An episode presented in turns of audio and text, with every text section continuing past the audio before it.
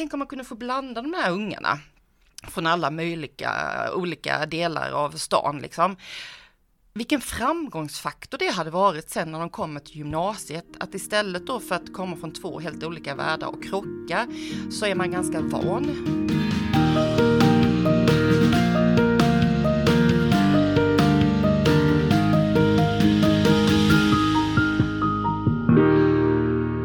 Att jobba på en skola i en del av Halmstad kan vara väsensskilt från att jobba på en skola i en annan del av staden. Det säger rektorn på Östergårdsskolan, Katarina Mardell, i det här avsnittet av Halmstad växers tema med berättelser från en delad stad.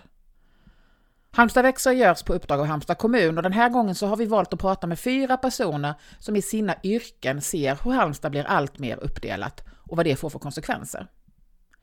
Jag som gör podden heter Linda Thulin och i det här avsnittet så åker jag till Östergårdsskolan där man som bäst håller på att bygga om och bygga nytt. Rektorn Katarina Madell har varit där i fem år. Innan dess var hon först lärare på Waldorfskolan i 17 år och sen rektor på Andersbergsskolan och på Frösakullsskolan och Gullbrandstorpsskolan. Däremellan har hon också hunnit med att vara hemmafru i Düsseldorf i två år. Och hon om någon vet hur olika det ser ut i Halmstads skolor. Alltså det är som två helt olika världar. Att vara lärare och rektor på Östergårdsskolan, det för med sig ett enormt kompensatoriskt uppdrag. Vi, vi hjälper barnen med egentligen en del av föräldrarollen. Alltså att ni måste kompensera för andra saker som de inte får? Hemma. Ja, precis. Eh, och sen så att jobba på en annan del i Halmstad, där har man allting, men man måste ändå kompensera på ett annat sätt där. Eh, man kan ta det för självklart att ja, man har alla grejer, man har närvarande föräldrar, men det kan ju faktiskt vara så att man har inte så närvarande föräldrar för de gör karriär istället och barnen får klara sig själva. Eh, men man har alla grunkor. Så det är väldigt stor skillnad, men det är inte nödvändigtvis så att den ena sidan har det bättre. Nej, jag tror, jag tror faktiskt inte det. Um, man brukar säga så här, Åh, vad, vad synd om dig som jobbar på Östergårdsskolan. Um, det är inte synd om mig någonstans. Eh, jag älskar mitt jobb, jag älskar att vara här i denna miljön, det passar mig alldeles ypperligt. Det hade nog varit mer synd om jag hade varit någon annanstans. Um, jag kan se våra barn och ungdomar och deras föräldrar och de, de gör verkligen sitt yttersta för barnen ska ha det bra. Samma sak var det ju på Frösekull Gullbrandstorp, men där var det på ett annat sätt. Eh, och jag kan se problematik på båda ställena. Eh, så att det är inte så att det är hunky dory och jättemysigt eh, på andra sidan Nissan och bara mega hemskt här, utan jag kan se att det finns fördelar och nackdelar på bägge sidor. Eh, men men vi har en tendens att belysa bara det som är på denna sidan av Nissan istället och inte på den andra. Mm. Men jag tänker också på det här du säger att folk då säger till dig, stackars dig som jobbar på, på Östergård och så.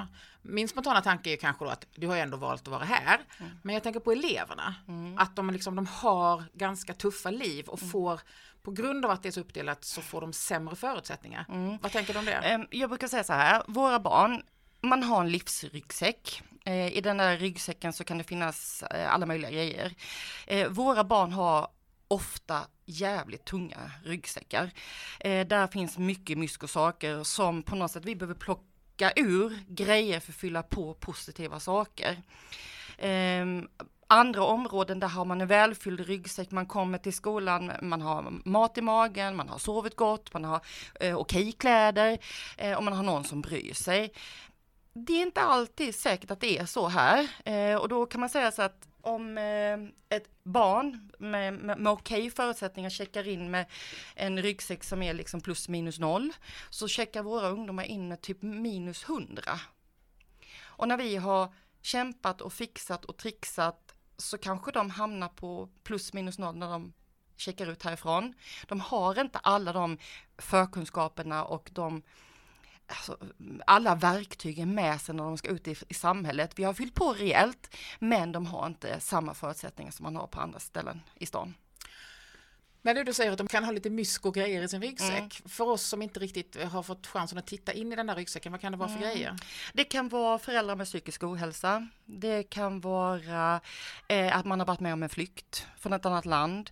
Det kan vara missbruk i familjen. Det kan vara eh, NPF-diagnoser som inte har blivit utredda i tid. Där man har fått verktyg med sig från tidig ålder. Det, det kan vara eh, ett stort ansvar, att man till exempel ansvarar för alla syskonen, hämta och lämna på förskolan. Det kan vara att man har eh, mängder med arbetsuppgifter hemma så att man egentligen har inte tid att gå i skolan. Så det, det är högt och lågt. Och på vilket sätt påverkar det deras skolgång? Alltså får man ett barn hit som inte har mat i magen, som inte har sovit och som har tankarna någon annanstans om mamma mår dåligt. Det är inte lätt att få in kunskap då. Alltså vi brukar säga att de är inte riktigt undervisningsbara. Utan då måste vi se till, okej, okay, vad kan vi hjälpa dig med?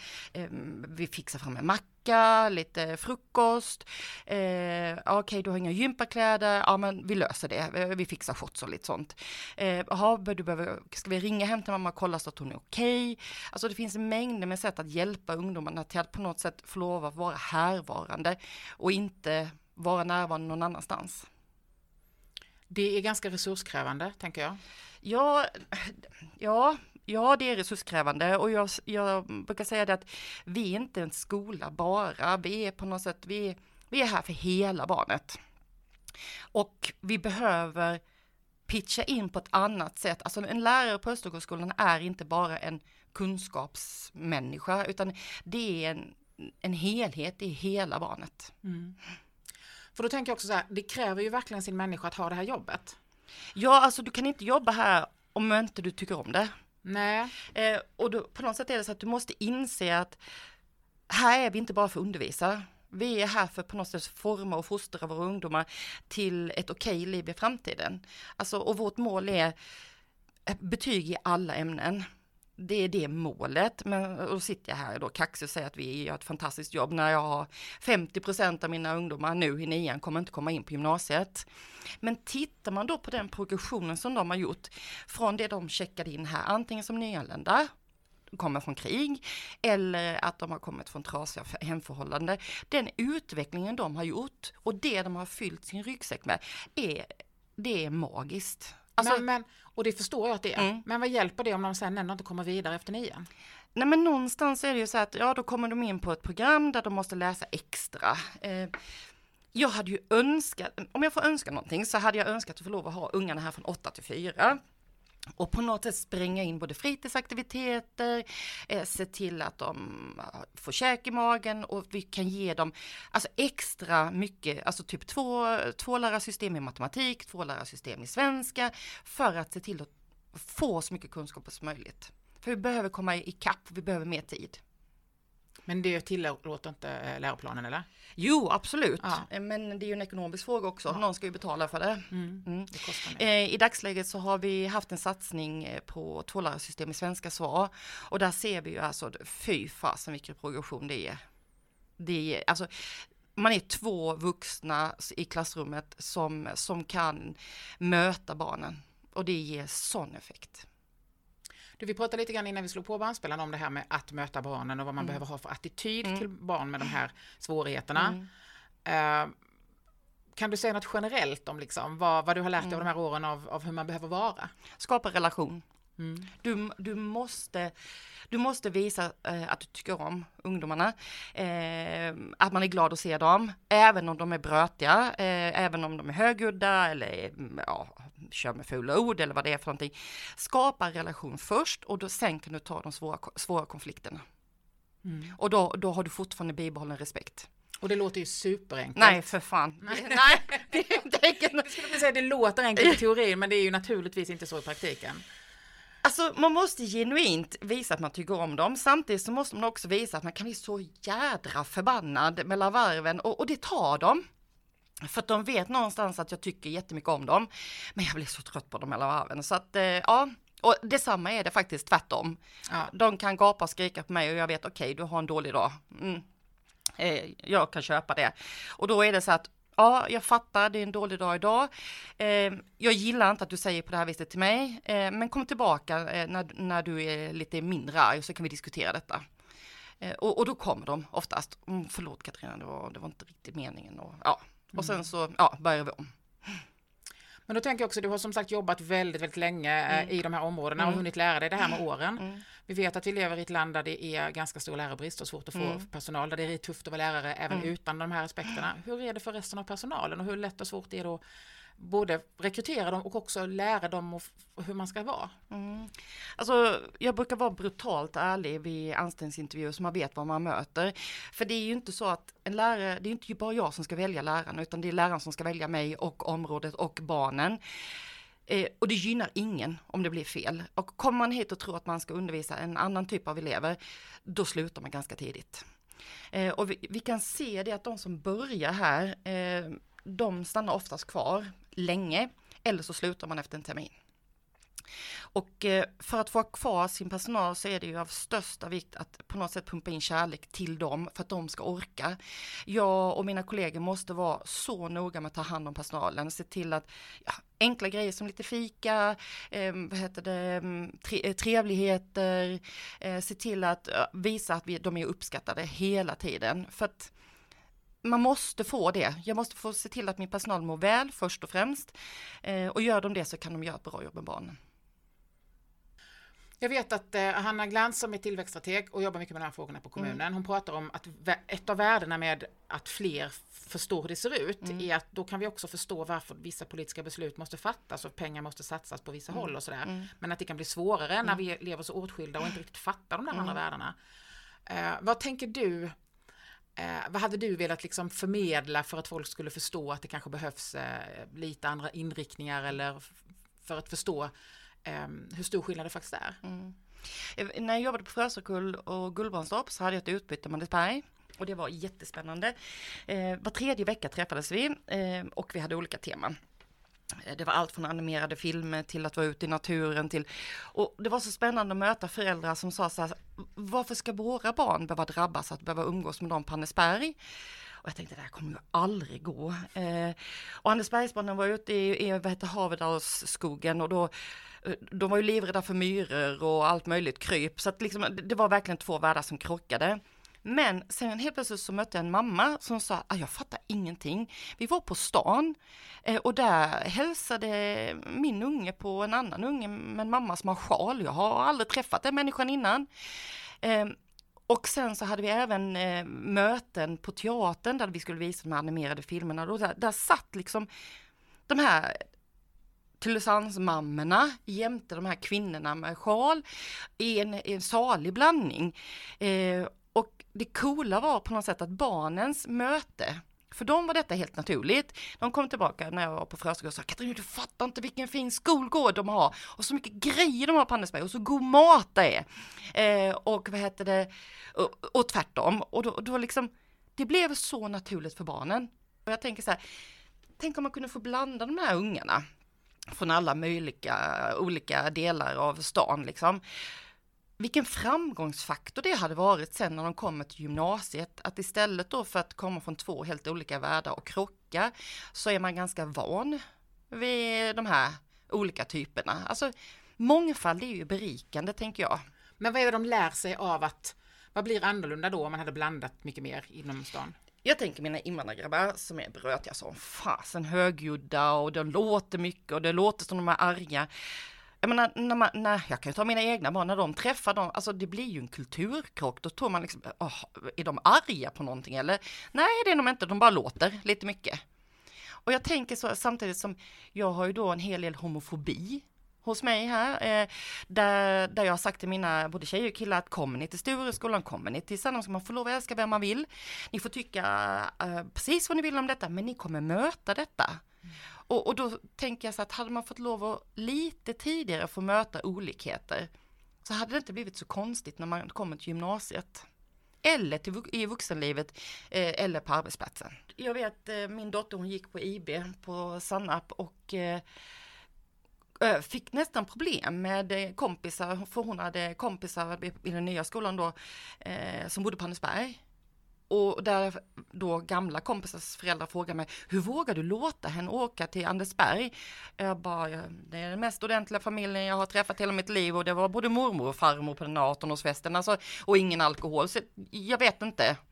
Samtidigt så känner jag så här, det man inte känner till, det är ju det som blir läskigt. Alltså det, det är ju så roligt att höra, alltså mina killar här, då, de har bara, snuten är, de, de är jävla grisar. Ja, men så, så, har vi några namn på några poliser som vi känner väl som jag samarbetar med. Men här och den här då? Ja men de är ju fett schyssta. De känner jag ju. De känner jag ju. Ja men då är, kan ju inte alla poliser vara idioter. Oh, då blir det ju lite jobbigt. Och samma sak gäller ju med Alltså om man möter människor som har en annan kultur eller en annan tro eller vad det nu månde vara för någonting. Alltså lär du känna individen, då är det ju inget konstigt längre. Mm. Och jag, vi hade ett utbyte, det var jättespännande med eh, Söndomsskolan. Eh, vad heter det, på högskolan. Och, och, det var som två helt olika världar som möttes. Eh, Söndrumsbarnen var ju livrädda för våra ungar och våra ungar var ju livrädda för Söndrumsbarnen. För att de var ju jätteläskiga, de hade ju aldrig varit där innan. Så att, eh, och ingen vågade presentera någonting för att det var ju pinsamt allting. Och då var de ju okej, okay, de var på högstadiebarn, men jag tänker så här vilken skillnad det var mot de här barnen som gick i tvåan. Som bara, ja, vi jobbar ihop, vi ritar teckningar och vi, eller vi i skogen. Och jag tänker så här, börja i tid. Då blir det inte läskigt. Om man ska prata om det rent eh, socioekonomiska och rent ekonomiska, mm. på vilket sätt kan man beskriva vad det är för slags verklighet ekonomiskt som många av de här barnen lever i? Eh, jag berättade för dig innan vi började. Jag har hade en pojke här, eh, han kommer bli en väldigt duktig fotbollsspelare en dag. Han hade ingen mat över julen. Eh, vilket innebär att vi skickade hem, jag köpte ut 12 stycken matlådor som han kunde ha i frysen för att plocka fram över jullovet. Våra barn vill inte ha lov. Eh, många gånger så är det så att skolmaten är den enda riktiga måltiden på en dag. Och det är Sverige 2022. Vi har fått ärva kläder nu från Kärlekens skola, kläder som har blivit över.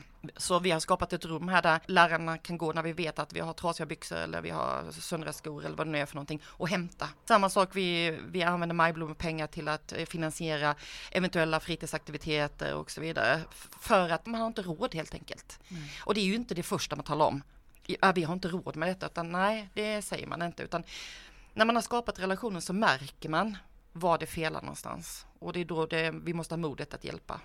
Har du konkreta exempel om liksom när du har fått så här aha-upplevelser kring de här olika världarna och vad, vad, vad de, hur de här barnen har det jämfört med vad som har varit din bild tidigare av hur man har det och sådär? Mm.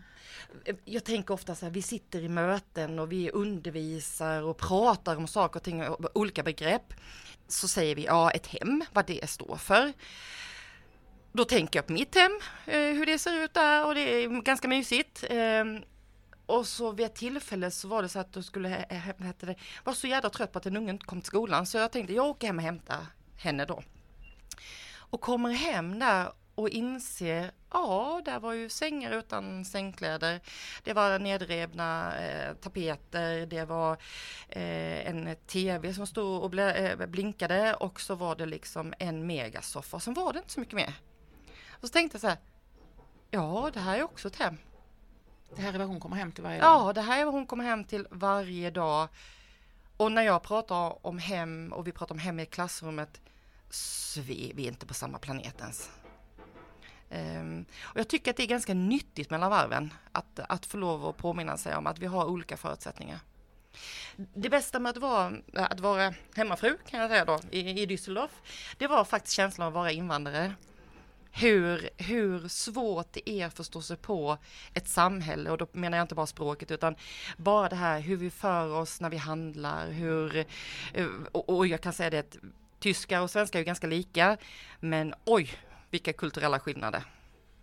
Eh, och jag gjorde så många fel. Men eh, ja, ja, det var väldigt nyttigt och det, det ger mig perspektiv på något sätt. Eh, att eh, det är inte så jävla enkelt alla gånger. Du nämnde ju att du själv bor på andra sidan mm, Nissan. Mm. Eh, och nu har du jobbat i den här delen av stan ganska länge, men kan man säga någonting om vad det har gjort med dig som människa? Att alltså ganska leva i en värld och jobba i den andra? Nu är det ju så att jag har invandrarföräldrar själv så, så, och en mamma som jobbar 38 år på Andersbergsskolan, så jag tror jag är färgad från första början. Mm. Men jag har snarare kommit på mig själv att vara, bli extremt provocerad på min sida Nissan istället. Mm. Och när jag hamnat i sammanhang eller på fester och sånt där, eh, suttit och försvarat det är nästan överdrivet för att folk ska förstå att det är ganska okej okay att jobba här och jag trivs jättebra. Alltså, för det finns så extremt många fördomar. Alltså, ja, extremt många. Det här är den röda tråden från alla er jag pratar med. Mm. Ni ryker inom citationstecken lite ihop med era privata vänner ja. och, och, uppfattas, tror ni själva i alla fall, som lite jobbiga för att ni vill förklara ja, någonting alltså som de andra blir, inte fattar. Det blir nästan en så här upp till kamp-känsla, att oh, det här är jättebra och så. Man blir provocerad på något sätt och vill gå i försvar för att, för det är liksom så ja det var så jävla dåliga resultat på Östergårdsskolan. Ja men kom och titta då, kom och hälsa på i ett klassrum, kom och titta vilka fantastiska lärare vi har och vad, vad, vilka, alltså, vilken utveckling våra ungdomar gör. Det är så himla lätt att döma oss. För det är det man gör, det är att man dömer eller att man bara inte förstår. Eller det kanske egentligen är samma Nej, men Jag tror att det är en kombination också. Sen är det också så här att det är ju värdelösa resultat vi har om, om man tittar på siffrorna. Mm. Ja, och det säger ju en hel del. Ja, titta ni är ju helt jädra värdelösa. Ja, och sen så tittar vi på kriminaliteten. Ja, då är det ganska mycket länder här också. Alltså, lägger man ihop bara rena siffror och inte möter människan mm. så ser det ju ganska nattsvart ut. Och då är det lite lätt, tänker jag, från min erfarenhet av liknande saker, att eh, har man haft det ganska lätt och inte behövt mm. liksom, riktigt eh, utstå de här sakerna så är det ju väldigt lätt att tänka vi lever i ett land där alla har samma möjligheter och mm. om man verkligen vill så kan man. Mm. Och till syvende och sist så handlar det ändå bara om att liksom mm. lite jäklar anamma. Mm. Är det helt fel? Nej det är faktiskt inte helt fel. Jag, jag går ju igång lite på att det är så jävla synd om oss också. Mm, mm. För att på något sätt är det så här, Sverige är ett fantastiskt land. Vi pratade om det senast vid lunchen idag. Vi har fri tandvård till våra barn, fri eh, sjukvård, vi har fri skola. Alltså vi har så mycket nätverk i Sverige. Men sen samtidigt så finns det barn som faller mellan stolarna där vi har vårdnadshavare som inte riktigt vet att orientera sig i vårt samhälle och inte förstå hur saker och ting fungerar jag är livrädd att hamna i den här offerkoftefällan. Jag säger till mina ungdomar att det är inte synd om er överhuvudtaget. Ta för fan chansen och ta, ta utbildningen. Utbildningen är nyckeln till frihet. Um, och det pumpar vi dem hela tiden. Att liksom det här kommer gå bra, vi tror på er, ni är lika mycket värda som alla andra. Men barnen i sig går in här med en känsla av att vara mindre värd. Mm. Och det gör mig så förtvivlad ibland. Tror du att saker skulle bli bättre om vi hade liksom mer förståelse för hur de olika världarna ser ut? Mm. Alltså jag tror att det hade varit lättare, det tror jag. Jag tror inte vi kan få full förståelse överhuvudtaget. Men jag tror att det hade varit lättare att både acceptera och respektera människor. Bara den känslan av att okej, okay, jag fattar vem du är. Jag kanske inte är överens med dig om allting, men eh, du är du och jag är jag liksom och vi ska vistas här i samhället gemensamt. Jag tror att det hade varit enklare. Katarina Mardell som är rektor på Östergårdsskolan och en av fyra Halmstadbor som i det här temat av Halmstad växer ger oss berättelser från ett delat Halmstad. I de andra intervjuerna så möter du arbetsförmedlaren Daniel Jönsson, Nafise Nassem som är verksamhetsutvecklare inom socialtjänsten och Johan Björnqvist som är urban utvecklare på HFAB. Halmstad växer görs på uppdrag av Halmstad kommun. Redaktör är Susanne Ståhl. Jag heter Linda Thulin och är frilansjournalist. Hej då!